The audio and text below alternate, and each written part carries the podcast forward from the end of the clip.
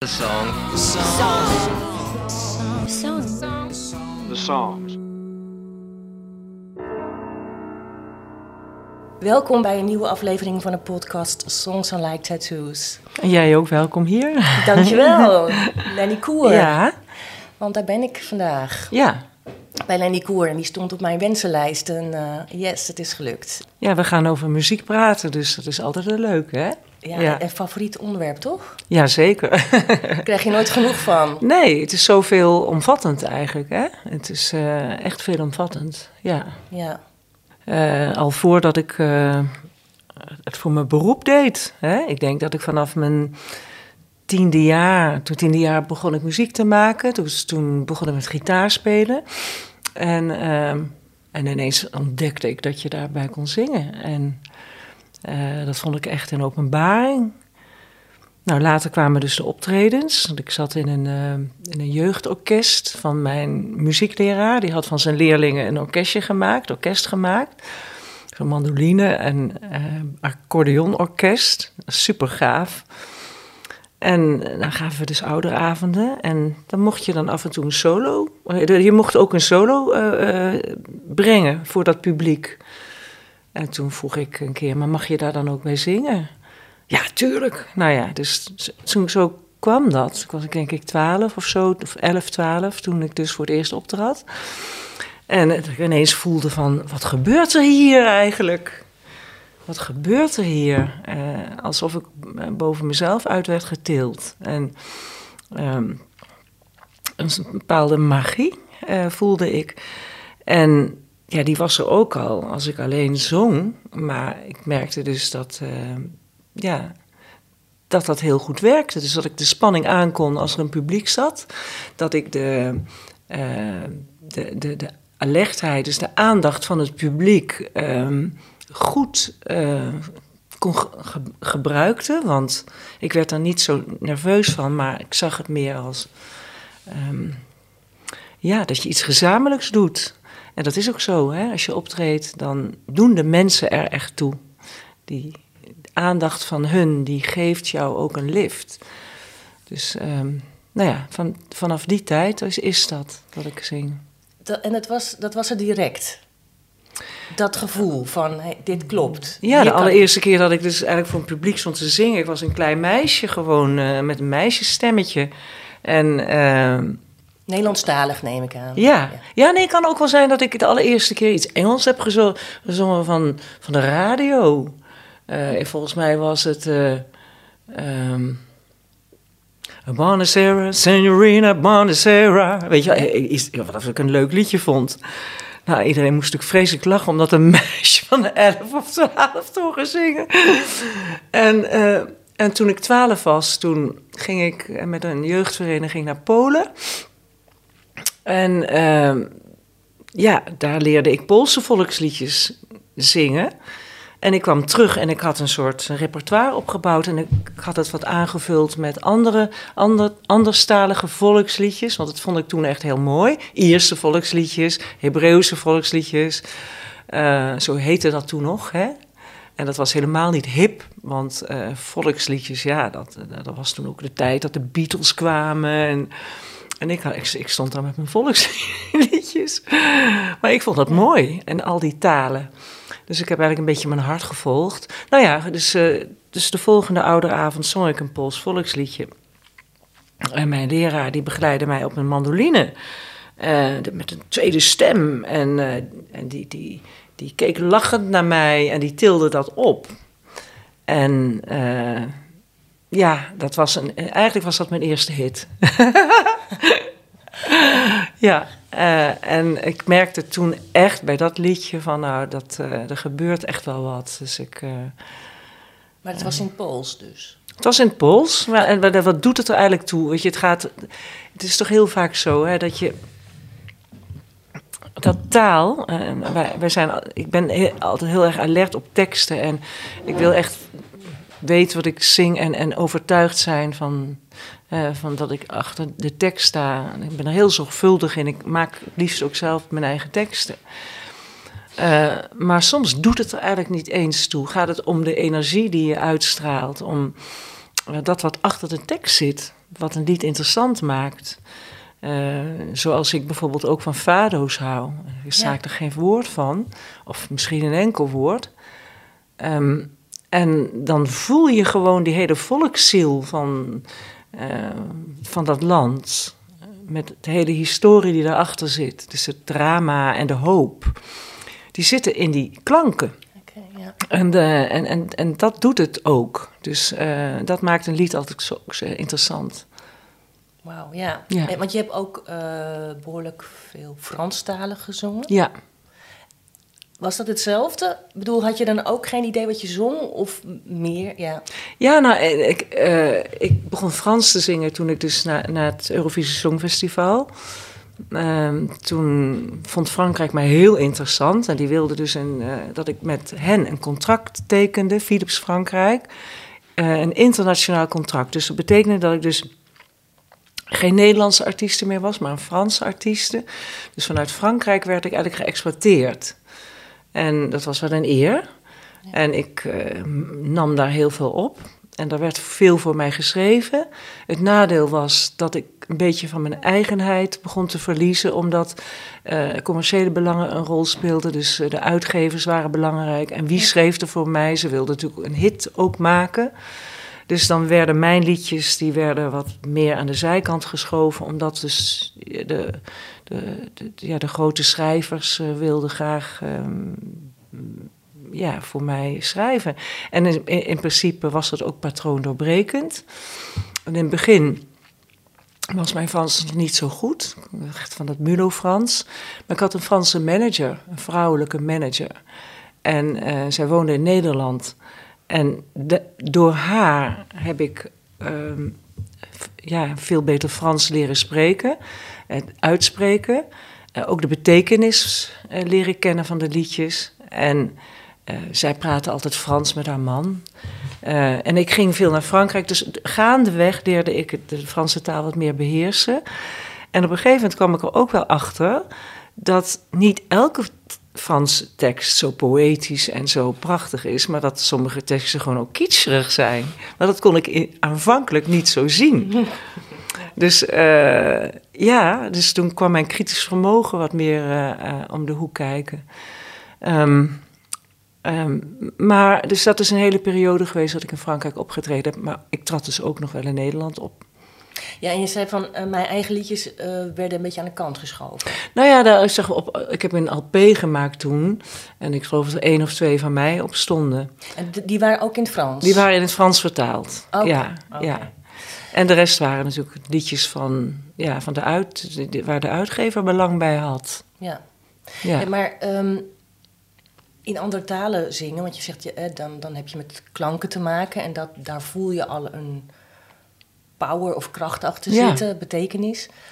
Um, het is voor het zingen wel anders, toch? Zeker, want de Franse taal, die zing je uh, wat meer voor in de mond. En um, een andere talen, die, die, zoals Spaans en zo, dat heeft dan weer een hele andere plaats in, de, in, in, in, het, in, in, in het hele, uh, ja, uh, hoe moet je dat noemen? Je hebt uh, holtes in je hoofd en, en, en overal waar de klanken in zich vormen. Ja. En ehm, de Franse taal heeft, heeft een andere plaats dan Engels. Of, en dat zijn dingen die, waar mensen zich niet vreselijk van bewust zijn. Kun je ook de verschillen van, tussen de Franse taal zingen en Engelse taal zingen? Um, ja, um, wat ik zei, het, het, is veel meer voor in de mond, het is Frans. Um, het, het, de rijm, twee, twee lettergrepen noemt men toch vrouwelijke rijm. Hè? Als je op twee lettergrepen uh, een, een rijmwoord moet maken. Uh, en in het Frans heb je dat eerder op één. Dus sans doute, pense. Ja, dan is het wel, maar dan is de tweede mhm. lettergreep, is, die, die valt een beetje dood. Ja. En hier heb je gelopen. En, dus het is een andere, een andere tred. Een andere, er zit een ander ritme in, in de taal zelf. Ja, is het ook meer met Frans meer je hebt natuurlijk ook van die fluistermeisjes hè, in het Frans. Ja, dat is zo typisch ja, Frans. Ik ja. bedoel, dat je niet echt veel Franse liedjes kent waar echt wordt gezongen of zo. Of dat is altijd ja, Edith Piaf was wel een goed voorbeeld van wel. Ja, hè? dat is waar. Ja, ja dus, maar dat was echt ook de volksziel die, die zong van Edith Piaf. Uh, dat was een van de weinigen die dus eigenlijk uh, echt ook, daar heb je gelijk in, een van de weinigen die voluit zong. Want de, de, de men zegt zelfs ook dat de, stembanden van de Franse vrouwen kleiner zijn. Dus dat ze daarom hoger uh, en, en, en, minder volume hebben. Als je dat vergelijkt met uh, donkere mensen hè, en, en, en, uh, in Amerika, weet je, die echt die hebben ook een kasten van een stemmen hebben die. Hè? Dus dan, dan kun je bijna denken dat het ook uh, hoe, hoe, ligt aan de bouw. Hoe, hoe, hoe is dat gebouwd?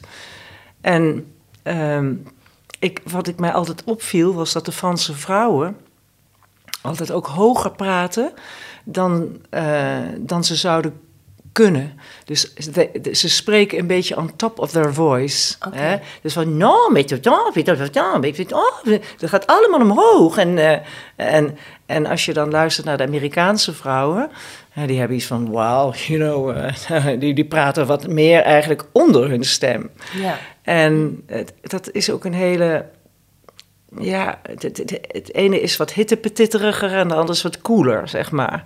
Dus dat, dat zit ook in de taal. En is er ook als Frans vrouwen praten of zingen, is daar verschil tussen? Nou ja, wat ik al zeg, de François Hardy, die dus inderdaad zo, zo zachtjes zong, zoals jij zei. Hè? En, en, en, en wat, wat zwoeler en, uh, en wat, wat, wat, wat meer vertel, vertellender. Ja, praat, praatzingen bijna is het of zo. Of ja, alsof je dus eigenlijk uh, een, een, gedicht uh, voorleest. En dat is, heeft, dat is ook wel heel erg mooi. Ja, zeker. Ja. Maar als je dan kijkt naar... ik ben op tournee geweest met Georges Brassens... En hij was een van de allergrootste Franse uh, uh, ja, chansonniers, Franse zangers. Um, en hij gebruikte een heel erg melodische manier van componeren. Dat ging echt heel erg op en neer. Um, dus zijn melodievoering, dat is ook weer typisch Frans. Dat was. Dat had met heel veel intervallen. Um, en uh, ja, dat, dat is ook heel erg mooi. Heb jij ook iets meegenomen naar je moerstaal? Ja. ja. Nou, ik denk wel dat, vooral uit van, ik kom uit Brabant. En dat is weer net weer iets anders dan wanneer je uit Amsterdam komt. Uh, Brabanders die hebben iets heel natuurlijks, vind ik. Dus die praten ook een beetje undercooled. En, uh, en, en, wat minder, uh, uh, hoe ik zeg het, ja, Amsterdammers die vond ik in het begin, toen ik in, als Brabants meisje in, in het vak kwam, toen werd ik eigenlijk weg, vaak weggezet een beetje als het meisje uit, uit het kleine dorp. En, maar ik vond dat hier de mensen eigenlijk heel erg leuk waren. Ik hield, ik hield echt van de Brabanders. En Amsterdammers vond ik af en toe, ik dacht, schep toch niet zo op over je stad, haal het toch uit jezelf, man. Weet je wel, dat dacht ik. En dat is eigenlijk ook wel wat wij uh, hier in Brabant hebben. Ik kom dus uit Eindhoven. En dat is nou niet echt een stad die je zo vreselijk inspireert. Het is uh, geen mooie stad. Het begint nou echt wel mooier te worden in de loop der tijd. Maar wij, wij, dus wij die hier vandaan kwamen uit Eindhoven, wij moesten de inspiratie gewoon uit onszelf halen. En we hadden geen stenen, geen gebouwen waar we trots op konden zijn.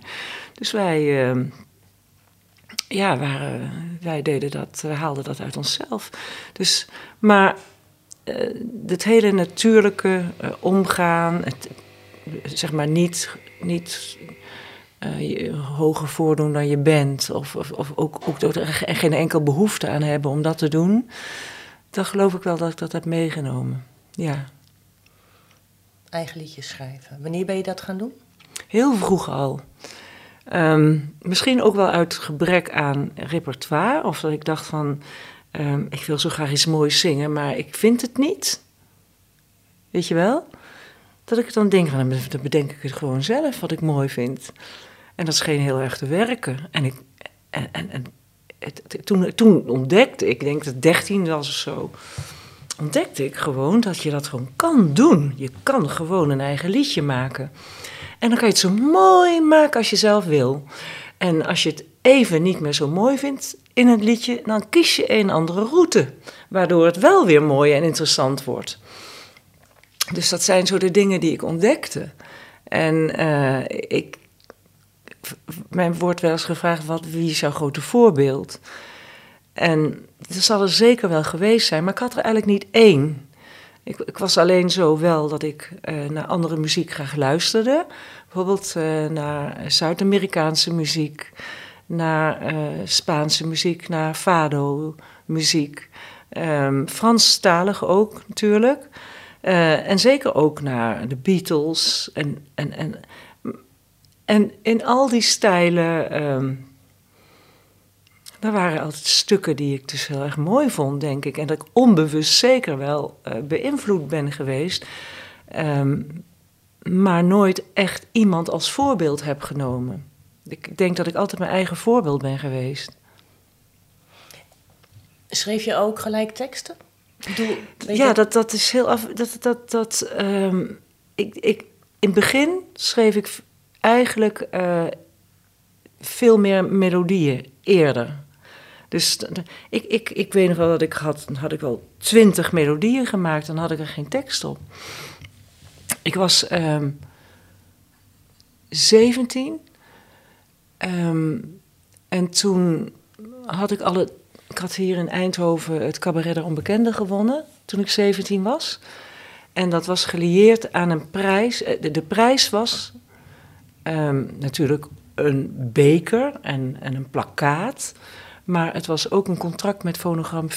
Fonogram. En dat was natuurlijk super gaaf. Ik was pas 17 en ik had een liedje uh, waarvan ik, en daar komt het, ja, als antwoord op jouw vraag. Ik had wel een liedje, maar ik had geen tekst. Ik had een beetje een.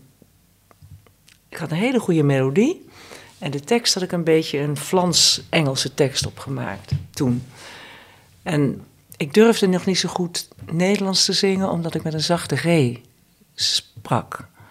En in die tijd was, als je met een zachte G zong, dan waren dat meestal smartlappen. En daar hield ik niet van. Dus daarom dacht ik eigenlijk, ik kan niet in Nederlands zingen. Ik moet in het Engels of in het Frans of in een andere talen zingen. Maar, dus die lui van fonogram, die kwamen bij mij. En uh, het was nog voordat ik het gewonnen had eigenlijk. Het, het, het, maar waarschijnlijk zagen ze iets in mij. Dus de, de, de, hoofdproducer van Fonogram, die zat ineens bij mij in de kamer. Samen met, uh, met Burt Page. Dat was toen een geweldige grote arrangeur. Dus die, ik had de eer, dat toen ik nog zo jong was, dat, dat die mensen gewoon bij mij in de kamer zaten. En toen zeiden ze, um, ze oh ja, ze wilden me overhalen om mee te doen aan het cabaret de onbekende. En ik zei eerst nee, omdat ik dan in het Nederlands moest zingen. En toen, toen zei ze, maar laat eens wat horen wat je hebt gemaakt. Dus toen liet ik dat liedje horen. En dan vonden ze het te gek. Vonden ze een hele te gekke melodie. Als ze nou vragen aan Armand... Hè, of hij een Nederlandse tekst wil maken op dit lied... En toen dacht ik, Armand... Wauw, ja, nou, dat zou ik wel gaaf vinden. Ja. Weet je wel? En uh, ik heb daarin toegestemd. Dus Armand, die kwam met die hele grote slee van hem in dat straatje bij ons in Eindhoven. Dus iedereen die keek zijn ogen uit. Met een hele grote bontjas kwam hij aan. En uh, heel cool. Mijn, mijn kleine zusje werd straal verliefd op hem. Ja. En die ging daar in de hoek zitten en ik zong dat liedje in het Engels. En hij schudde gewoon een tekst uit zijn mouw. Dat wil je gewoon niet weten. Ja? Eerlijk waar. Nou, ter plekke. Ter plekke. En dat liedje heette Laat maar. En ik geloof dat ik zong... Hi dear, the sun shines now, but I'm cold. Zoiets zong ik. En hij zei... Laat maar, het doet er toch niets toe, het is vreed. En als het me tot nog toe iets deed, nu niets meer het is gelukkig voorbij. En een suggestie doet je soms veel en je ziet door een waas van onwerkelijkheid en spreekt jezelf in dat het mooi kan zijn. En dan, maar het gaat kapot voordat je weet wat het is, dus laat maar. Nou, dat was toch super, hè? Dat is echt gaaf. Ja. En toen dacht ik, ach, ik maak ook van die zachte G geen probleem. Mijn moeder kwam uit Amsterdam en ik kon haar prima nadoen. En uh, dus toen heb ik die zachte G kunnen, een beetje kunnen verdoezelen. En, dus dat was ik meteen. Dus toen eh, won ik het. En uh, ik had nog een tweede lied, ook, zat ik zelf gemaakt in Nederlands. Um, nou, toen begon het te lopen eigenlijk vanaf die tijd. En toen um, ben ik naar tekstschrijvers gaan zoeken. Want ik schreef heel veel in, in het heel veel melodieën waar ik geen tekst op had. En toen heb ik een keer um, heb ik me aangemeld bij de Buma. Uh, en ik geloof dat het, um, hoe heette dat nou, Altona? De Buma, zo heet de Buma. En er was een liedjesbeurs, hadden zij ieder jaar, waar ze uh, mensen bij elkaar brachten, zoals tekstschrijvers, uh, componisten, dus nou ja, dat is een groot woord, voor, maar goed, mensen die, die, die, die, de muziek maakten van de liedjes en de vertegenwoordigers van de liedjes. Dus ik was zowel de vertegenwoordigster van het lied als de, de componist. Ja. Ik zocht een tekstschrijver. En het kost een tientje, dat weet ik nog zo goed. Dat heb ik van mijn zusje geleend, tientje, dat had ik niet. En toen uh, heb ik daar een stand gehuurd. Hoe ik dat gedurfd heb. Ik was echt, echt zo verlegen. En uh, toen kwam ik daar Nico Knapper tegen. Ik kende hem al. Hij was, begaf zich in de liedjeswereld. Uh, hij had een werkwinkel. Daar was ik ook al eens geweest. En Nico Knapper die stelde mij voor aan een tekstschrijver. Hij zei, kom Melanie, ik heb net bij een andere stand iemand gezien... en die schrijft prachtige teksten. En die heet David Hartsema.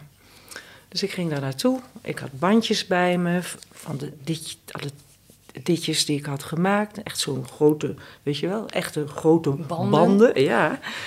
En ja. ik had mijn gitaar bij me. En uh, ik las de teksten van David Hartsema. En ik dacht, wauw man, dat is mooi. En hij ging naar, met een koptelefoon op naar luisteren naar mijn melodietjes. En ik dacht, wauw, dat is mooi. Ja, en toen heeft hij mij een paar teksten meegegeven. En in de trein terug heb ik dus zonder gitaar, heb ik dus een. Gewoon, uit, gewoon van binnen mm -hmm. heb ik een melodie gemaakt op een tekst van hem. En ik ben als een gek toen ik thuis kwam naar boven gerend. Heb een gitaar gepakt en heb dat toen opgenomen, volgens mij op een cassette recorder. En toen heb ik uh, hem opgebeld. En heb ik hem voorgezongen door de telefoon. Zo ging ja. dat. En nou ja, hij was niet meer te houden en uh, hij stuurde me steeds teksten. En op een gegeven moment, uh, oh ja, en, en één, keer in, één keer in de zoveel tijd ging ik naar hem toe. Om de liedjes die hij had gestuurd, om hem te laten horen. En dat deed ik dan samen met Piet Sauer. Piet Sauer was toen mijn begeleider, mijn gitarist. En um, dus dan gingen wij met z'n tweeën naar Friesland, want daar woonde die. En dan zongen wij die liedjes voor en dan kwam hij weer met nieuwe teksten. En dus dat, ik was helemaal in een flow, weet ja, je wel, van ja. oh wauw, ik, ik heb het nou gevonden, weet je. En op een dag kreeg ik een, een, een brief van hem en maakte ik open en daar stond in, hi Lenny, uh, of lieve Lenny, ik weet niet precies, hierbij nog een tekstje ik hoop dat je er wat mee kunt. En dat was de troubadour. Oh. Nou, ja, schaaf toch, ja, hè? Dus ik ging mooi. toen naar boven en, en, en ook zo, weet je. En ik, en ik heb dat lied in een roes geschreven. Ik had het begin al wel. En, maar ik had niet... Uh, ik, ik bedacht zelf bijvoorbeeld la la la. Uh, dat stond er niet in. Uh, maar het kwam gewoon spontaan op om dat dan daar te gaan zingen. En ik geloof dat ik uh, heel laat s'avonds thuis, uh, heel laat klaar was met het lied. En dat ik nog bij mijn ouders wakker heb gemaakt om het te laten horen. En toen zei mijn vader nog tegen mij: Het is mooi, schatje, maar laat morgen maar nog een keer horen, zei hij toen. Maar ja, zo ging het eigenlijk. Dus ik, ik schreef meer melodie dan teksten. En het tekstschrijven is eigenlijk pas veel later gekomen. Uh, dat ik dat heel goed kon. Maar dan moest ik echt uh, leren. Weet je wel? Uh, wat ik ook wat ik wou, wilde zingen. En meestal, als ik iets wilde zingen wat een andere tekstschrijver niet schreef voor mij, dan schreef ik het zelf. Ja. Dus dat is, heeft zich later eigenlijk pas heel goed ontwikkeld bij mij als je een tekst van een, van, van een tekstschrijver onder ogen kreeg, die, ja. hoorde je gelijk dan iets? Nou, ik, ik weet niet precies hoe het vroeger deed, maar um, wat een, een, goede manier is, is om het op te lezen. Ja. Je, leest het op ja. en dan kijk je hoe je het, hoe je het zegt. Ja. En dan hoor je ook het ritme waarin het wordt. Is het een, is het een tweekwartsmaat, is het een, is het een driekwartsmaat of vierkwarts? Uh, dat zit in de tekst eigenlijk al. En uh, dus dat is wanneer je het tot je laat komen. En dan weet je ook helemaal de, de, ja, de, de, wat de tred is van het lied. Um, het is ook wel eens goed om met verschillende tekstschrijvers te schrijven, omdat iedereen zijn eigen uh, tred heeft. Het is afhankelijk van of iemand nou bijvoorbeeld uh, melancholisch van aard is, of iemand is cholerisch van aard, of wat uh, ja, sanguinisch. Hè? Dat, is, dat is meer ook een soort vuur, maar dan schrijf je wat, dat is wat, wat, wat huppeliger geschreven. Dus het zijn langere zinnen, kortere woorden. Um, en dat, die vragen allemaal om een ander soort melodie. Dus hoe meer eigenlijk je, um, hoe rijker jouw aanbod is van tekst, hoe, uh, hoe, hoe meer mogelijkheden je aanspreekt in jezelf om tot een goede melodie te komen.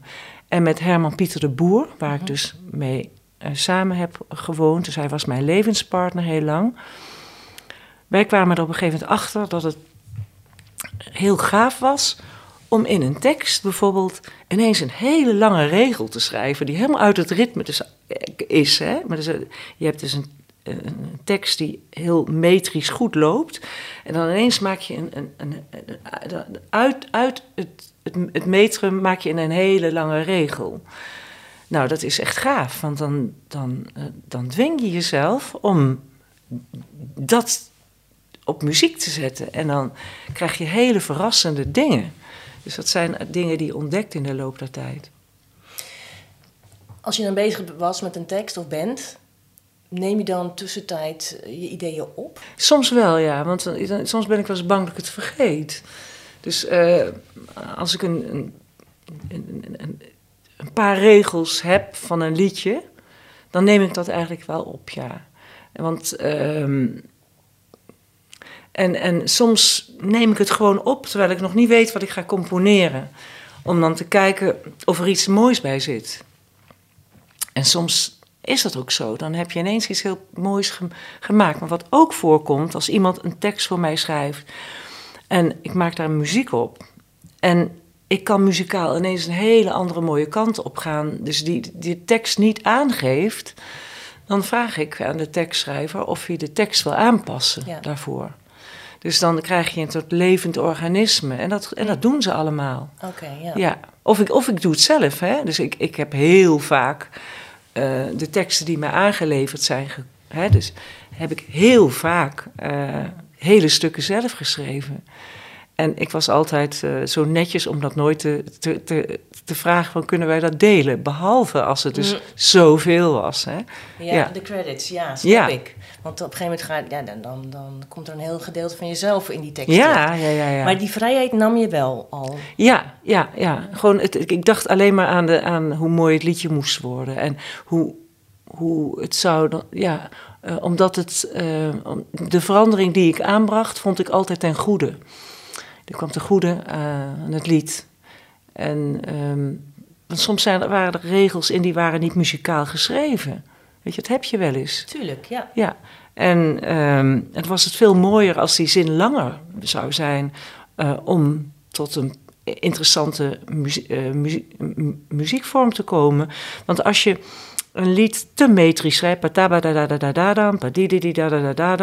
sommige tekstschrijvers die weten dat niet, dat dat heel, niet zo goed werkt. Dus dat je ook muzikaal moet schrijven als je een tekst maakt. En klanken heb je toch ook mee te maken? Dat ja, niet, zeker. Niet alles klinkt even mooi om te zingen ook. Nee, en dat, dat zijn uh, de, de, goede tekstschrijvers die kunnen dat. Herman wist precies, Herman Pieter, mhm. Die, wist, die wist precies wat hij voor iemand moest schrijven. Hij wist dat hij voor mij moest schrijven. Hij wist welke klanken er bij mij mooi uitkwamen. Mhm. Dus hij, hij schreef dan met mij in zijn, in, zijn, in zijn hart of in zijn hoofd. Dus hij, hij uh, hij schreef het, hij legde het als het ware de woorden in mijn mond. Uh, omdat hij wist dat ze zo op die manier mooi uit mijn mond klonken. Dat is wel, vind ik echt het, het mooiste wat je kan hebben. Ja, ja. ja dan klopt het helemaal. Ja, ja. ja. Uh, even over het schrijven naar nu. Hè? Ja. je schrijft liedjes, je schrijft nu ook vaak zelf de teksten. Ja. Um, hoe begint het bij jou? Um, ik, ik, uh, op mijn iPhone uh, heb je een programma dat heet uh, Notities. Hè? Nou ja, daar schrijf ik heel ja. vaak. Heel vaak schrijf ik gewoon de dingen op die mij in, die, die, die, die, die, ingegeven worden. Dus. Um, en dat kan van alles zijn. Het kunnen gedachten zijn, het kan ineens een gedicht zijn. Of uh, het begint vaak met een bepaald gevoel. En, en, en ineens wordt het heel erg mooi, bijvoorbeeld. En dan, en dan denk ik van, oh, wat ik nu heb geschreven, daar zit een lied in. Daar zit ineens een, een regel in die heel erg mooi is. De, de, de, inspiratie, dus dat wat jou inspireert, die inspiratie gaat je voor. Dus die verzin je, je mhm. verzint het niet. Je, je vangt het alleen maar op. En uh, je moet dus hele goede uh, heel goed luisteren, verfijnd kunnen luisteren, om het op te vangen. Ja. En in dat opvangen kun je natuurlijk nog wel uh, je woorden uh, mooier maken, bij wijze van spreken. Hè? Uh, maar wat je essentieel opvangt, ja, dat, dat komt er op de manier uit zoals jij geprogrammeerd bent. En alsof je een mal bent waar je iets in stopt en dat komt er zo uit. En dat maakt je authentiek. Ik denk dat wij um, ons daar bewust van moeten zijn. Dat we authentiek zijn allemaal. Dat we, dat we niet iemand na hoeven doen, maar dat we een manier hebben en uh, verantwoording durven te nemen voor wie wij zijn. En dat het goed is zoals we zijn. dus met alle kritiek ook hoor, want je mag kritiek op jezelf hebben en weten hm, wanneer je uh, vastzit in jezelf of wanneer je uh, tegen je lim, tegen je. Kijk, um, het kan zijn dat je inspiratie um, uh, uitgeput hebt. Waar, of tenminste, dat, dat, dat, dat, dat, dat je jezelf gaat herhalen, bij wijze mhm. van spreken. Ik noem maar wat. Of muzikaal, of qua tekst en noem maar op. Dat is het moment waarop je vaak door iets heen moet om door die barrière heen te breken. Want er is geen einde. Er, het, het, is nooit zo dat je vastzit. Het is altijd zo dat je, uh, dat je door je eigen patronen moet breken om weer verder te kunnen gaan. En dat is gewoon super interessant. En ook moeilijk, denk ik. Want soms zit je vast. Daar moet je dus doorheen. En dan moet je dat weer gaan voelen of zien. Het, het, het vastzitten is, is, is vaak innerlijk, iets innerlijks. Mhm. Het heeft eigenlijk met het liedschrijven niet eens te maken. Dat betekent dat je eh, ja, een, beetje in een, in een kringetje ronddraait. En, en dat, dat je iets kunt doorbreken in jezelf. En eh, nou, dan moet je maar vinden wat dat is. het kan even duren. Hè? Um, iets verwerken of... Uh, um, dat, ik kan dat niet direct noemen. Iedereen weet dat wel, hoe dat, hoe dat werkt. Maar en ineens voel je dat. Dan, dan, dan is het of de ramen open worden gedaan en uh, dat er nieuwe frisse lucht binnenkomt. En uh, ja, dan, dan, dan ben je gewoon, sta je helemaal weer open voor ontvangst. Ja, ja. mooi. Er komen een aantal regels tot je, die hebben betekenis, die vind je mooi. Dat is misschien het begin van een, van een mooi liedje. Ja. Moet je je daarin vastbijten? Ik bedoel, moet je dan in die wereld gaan zitten van het liedje en het moet af? Of doe je dat in periodes? Of... Ik, ik, ik, ik kan eigenlijk alleen maar zeggen dat wanneer je, er, wanneer je verliefd bent op een regel, eh, wanneer je, uh, je, je, net als je verliefd bent, dan, kan je, dan kan je, wil je bij die ander blijven, wil je erbij blijven. En als je verliefd bent op bepaalde regels, dan wil je daarbij blijven. En dan wil je die zo mooi mogelijk maken. En dan wil je die zo mooi mogelijk plaats uh, geven in een lied. En dat is een soort liefdesproces, zo zie ik dat.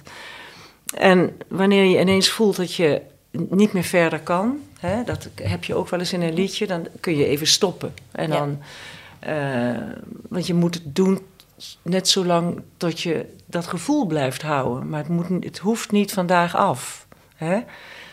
Um, dus um, ja, het is heel natuurlijk. Je kunt het eigenlijk uh, niet, niet, niet, niet, niet zeggen hoe, hoe, voor een ander hoe die dat moet doen. Wat ik wel van mezelf ken, is dat ik alle tijd verlies als ik ermee bezig ben. Rob, mijn, man heet Rob. En die, die roept mij dan ineens voor het eten. En dan denk ik, hè? Uh, want ja, ik heb zo'n man die kookt, weet je wel. Dat is heerlijk, geweldig. En die kookt ontzettend lekker. En dan denk ik, oh, moet ik nou al gaan eten? En dan heb ik eigenlijk... Ik, ik sla maaltijden over. En dan ben ik zo geconcentreerd en zo in het lied... dat ik alleen maar dat zie. Dus dan kan ik echt, echt ja, wel 13 uur achter elkaar gewoon ja. boven zitten. Ja. En van, ja. En dan, en dan ben ik niet te houden. Soms ben ik wel drie dagen met een lied bezig. Uh, er komt eerst de inspiratie, dan komt de muziek, dan komt de verfijning. Um, en dan denk, ben ik niet tevreden over een bepaald woord op een bepaalde plaats. Uh, het, het, het, ik weet, zo, zo gaat het gewoon. Mm -hmm. je, je slijpt net zo lang tot het mooi is, tot het, tot het een pareltje wordt. Hè?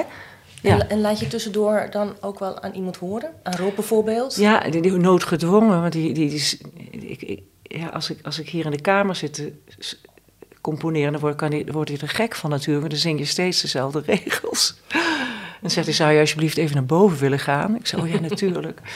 nou ja, dan ga ik boven zitten en dan ziet hij mij niet meer de hele dag. Maar en als ik het dan redelijk tevreden ben over een bepaald resultaat, dan laat ik het wel aan hem horen, ja. Maar dan is het voor jou eigenlijk al.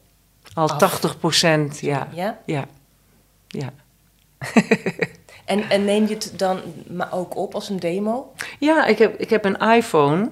Ja. Ik heb geen goede apparatuur, net zoals jij komt hier met prachtige microfoons bij mij. En neem jij ook zo jouw muziek op? Dit zijn podcastmicrofoons. Ja, ja. Maar je kan hier ook goed door zingen, heb ik Ja. gemerkt. Ze zijn heel direct, heel droog. Dat vind Ja. ik mooi. Ja. Nou, ik heb natuurlijk ook prachtige microfoons waardoor ik zing. Die heb ik allemaal. Maar ik heb geen studio. Maar nu heb ik dus wel een. Op mijn iPhone heb ik een, zo'n, zo'n zoomertje gekocht. Maar die kun je hier ook op klikken. En dan klinkt het wat mooier, wat digitaler. Eh, Ik werk zo dat als ik mijn liedje gemaakt heb, dan stuur ik het naar mijn. Ik dat, dat naar de jongens van mij, dat zijn Mhm. mijn begeleiders. Eh, dan stuur ik het naar hun op. En het is natuurlijk wel leuk als zij het eh, zo mooi mogelijk eh, eh, kunnen, kunnen horen. Dus de kwaliteit wordt dan echt wel wat beter door dat apparaatje. Het- Maar ja, maar het is natuurlijk heel fijn als je het gewoon snel kan doen. Dat zonder al te veel Ja. gedoe eromheen. Je wil gewoon dat liedje... Ja, gewoon puur met een gitaar Precies. en dan neem ik het zo op en Ja. dan... eh, ja, en, en dan gaan wij naar de hand gaan we repeteren met mijn muzikanten. En dan gaan we dus het arrangement maken. En ik weet meestal al heel goed waar de solo komt en, ik, en, Ja. en, en, en wat het intro is. Uh, ik heb wel een gitarist, die is jazz, uh, is een jazzgitarist. Dus zijn soli die veranderen, die heel, veranderen vaak. En dat vind ik wel mooi. Tijdens onze voorstellingen... Um, natuurlijk blijft de, het akkoordenschema hetzelfde, hè? maar hij verzint er steeds andere soli in. En dat houdt, ook, uh, dat houdt ons heel erg wakker en dat geeft heel veel nuance aan het lied. Dan, het is heel vaak ook dat we in plaats van uh, harder gaan, worden we vaak juist heel zacht. En dat is prachtig. Het is uh, heel erg mooi, vind ik, hoe wij... Als hij een solo ge geeft, dan wordt het meestal zachter. En uh, dus die, die, dynamiek is heel goed uh, te horen als wij optreden. Beter dan met platen, want het wordt ook altijd met compressor wordt het ja. wat platter gemaakt. Maar tijdens de optredens is die dynamiek heel goed te horen. En ehm, je brengt het liedje in bij de band, bij de begeleiders. Hebben zij nog ideeën? Ja, zeker. Uh, ik vind het juist heel erg mooi om, um, om uh, geïnspireerd te worden door hun. Want zij hebben uh, een, een, een, een, hele groot, groot muzikaal perspectief vermogen. Hè? Dus zij kunnen vele stijlen spelen. Uh, zij uh, hebben allebei conservatorium gehad. Dat heb ik dus niet. Ik ben een autodidact. Ik, en het is soms maar goed ook, want ik verzin dingen die je niet leert op het conservatorium. Ja. Dus ik, uh, dat, dat is. En ik, en ik vind ook, ook akkoorden uit die ik nooit geleerd heb, maar die dus achteraf wel blijken te bestaan. Dus dat zijn. Ik, ik leer het mezelf allemaal aan. Maar ik laat me ook echt inspireren door hen. En ik vertrouw hun.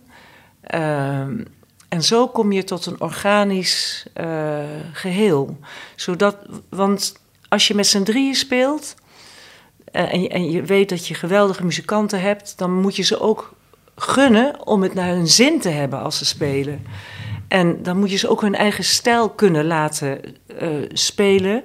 Zolang dat past binnen jouw uh, in, in jou, dat het nog steeds van jou is.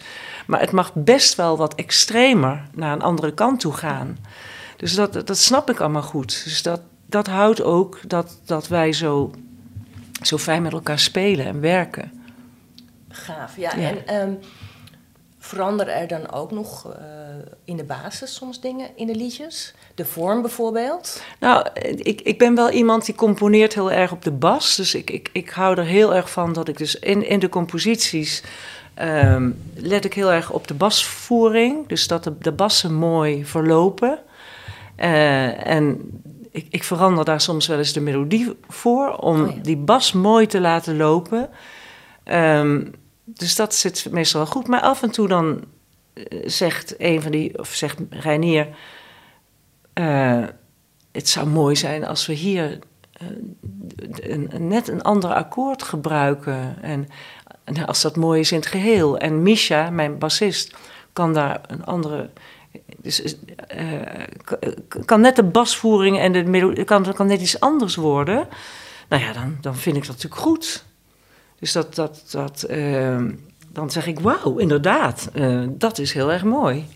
Ja, ik sta daar open voor. Dus alles eigenlijk gaat om, ja, om het lied mooi te laten klinken. En om, om ons gelukkig te maken met, met elkaar. Ja, Zodat mooi. we het fijn hebben. Ja. ja. Um, nog even over, over het opnemen ja. met deze mensen. En uh, je hebt vorig jaar nog een album uitgebracht. Ja. Um, is dat um,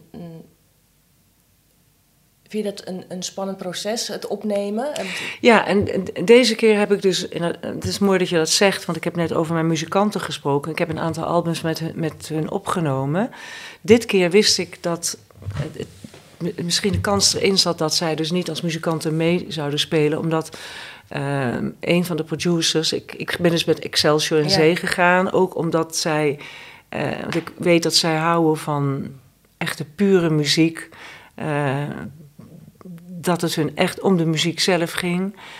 en ik wist van tevoren dat ik met hun een kant op ging die ik met mijn muzikanten niet opga.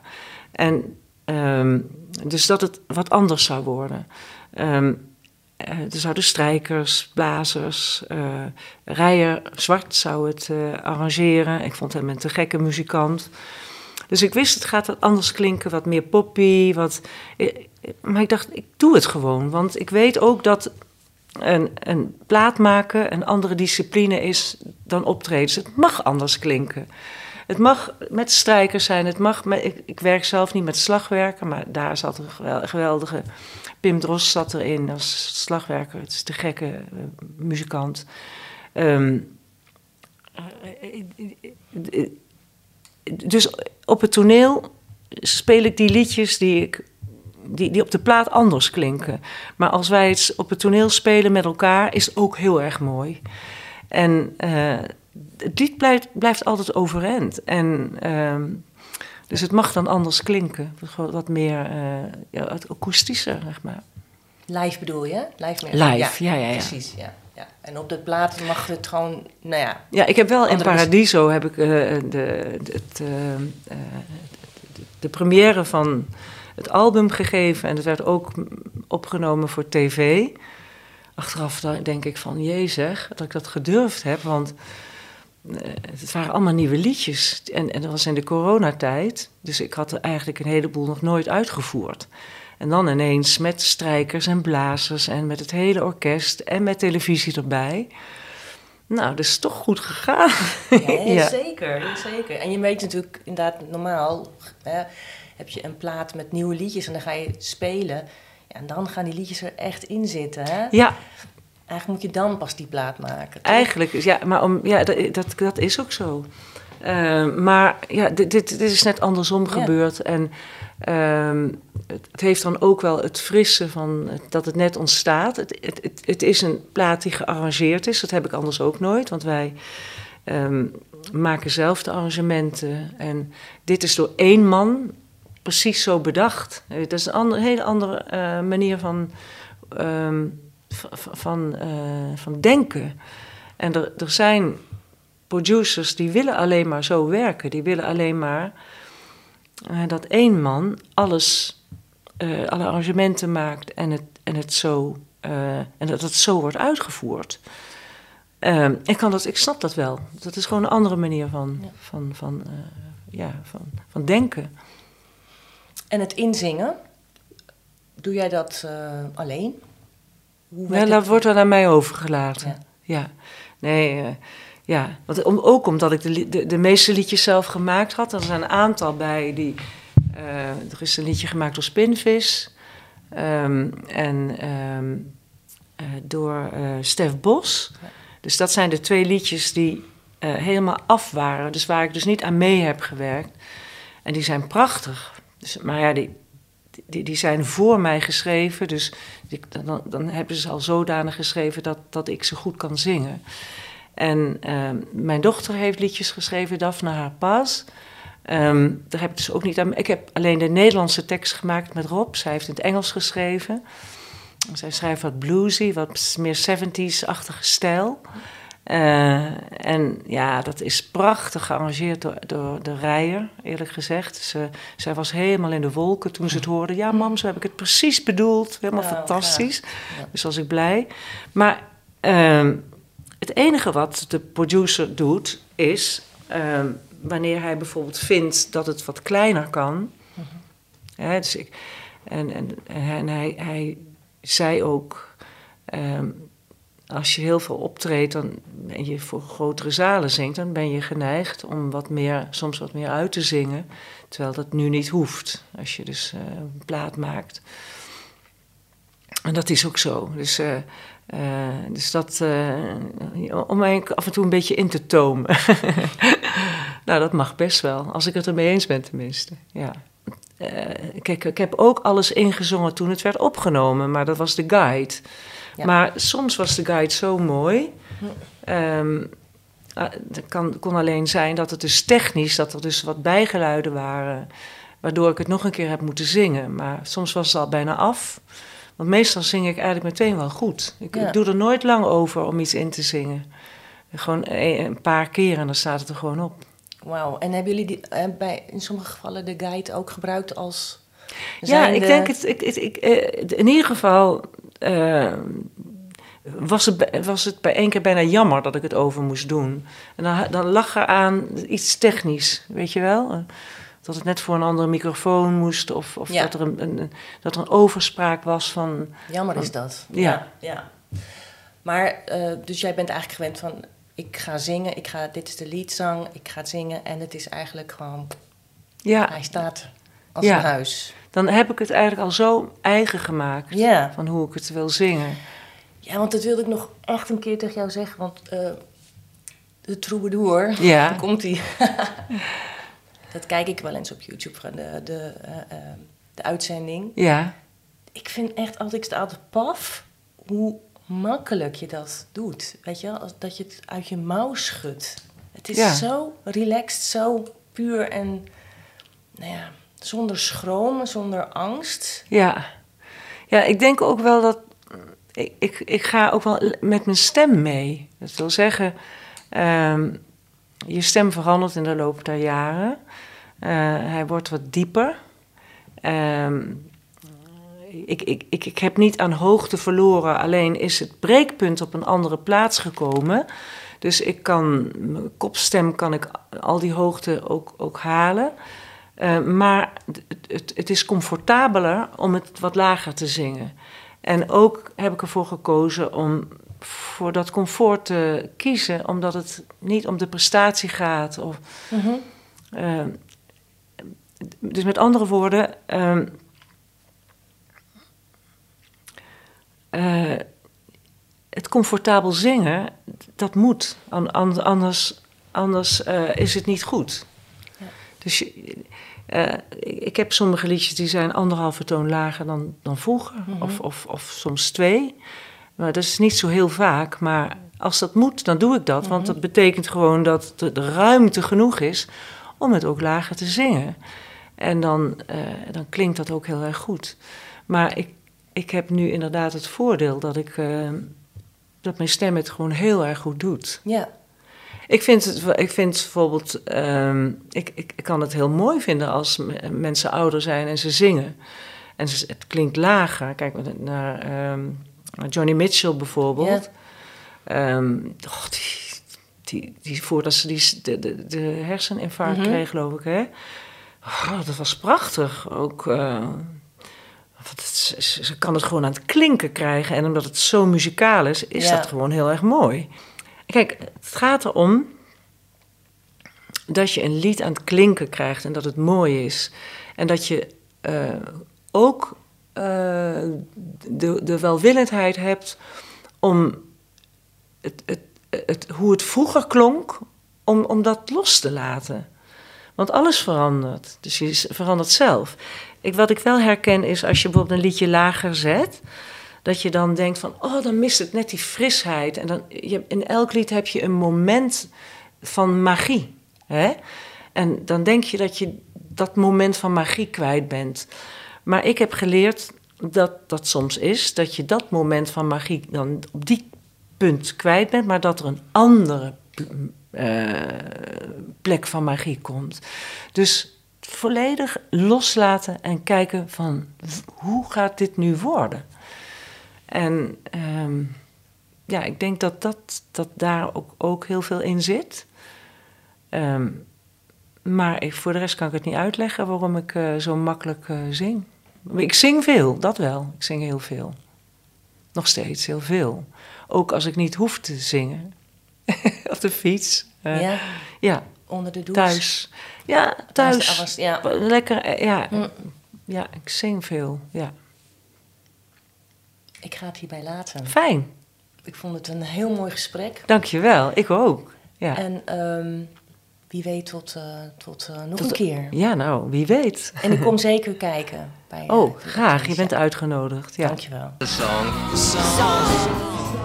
The song. The songs.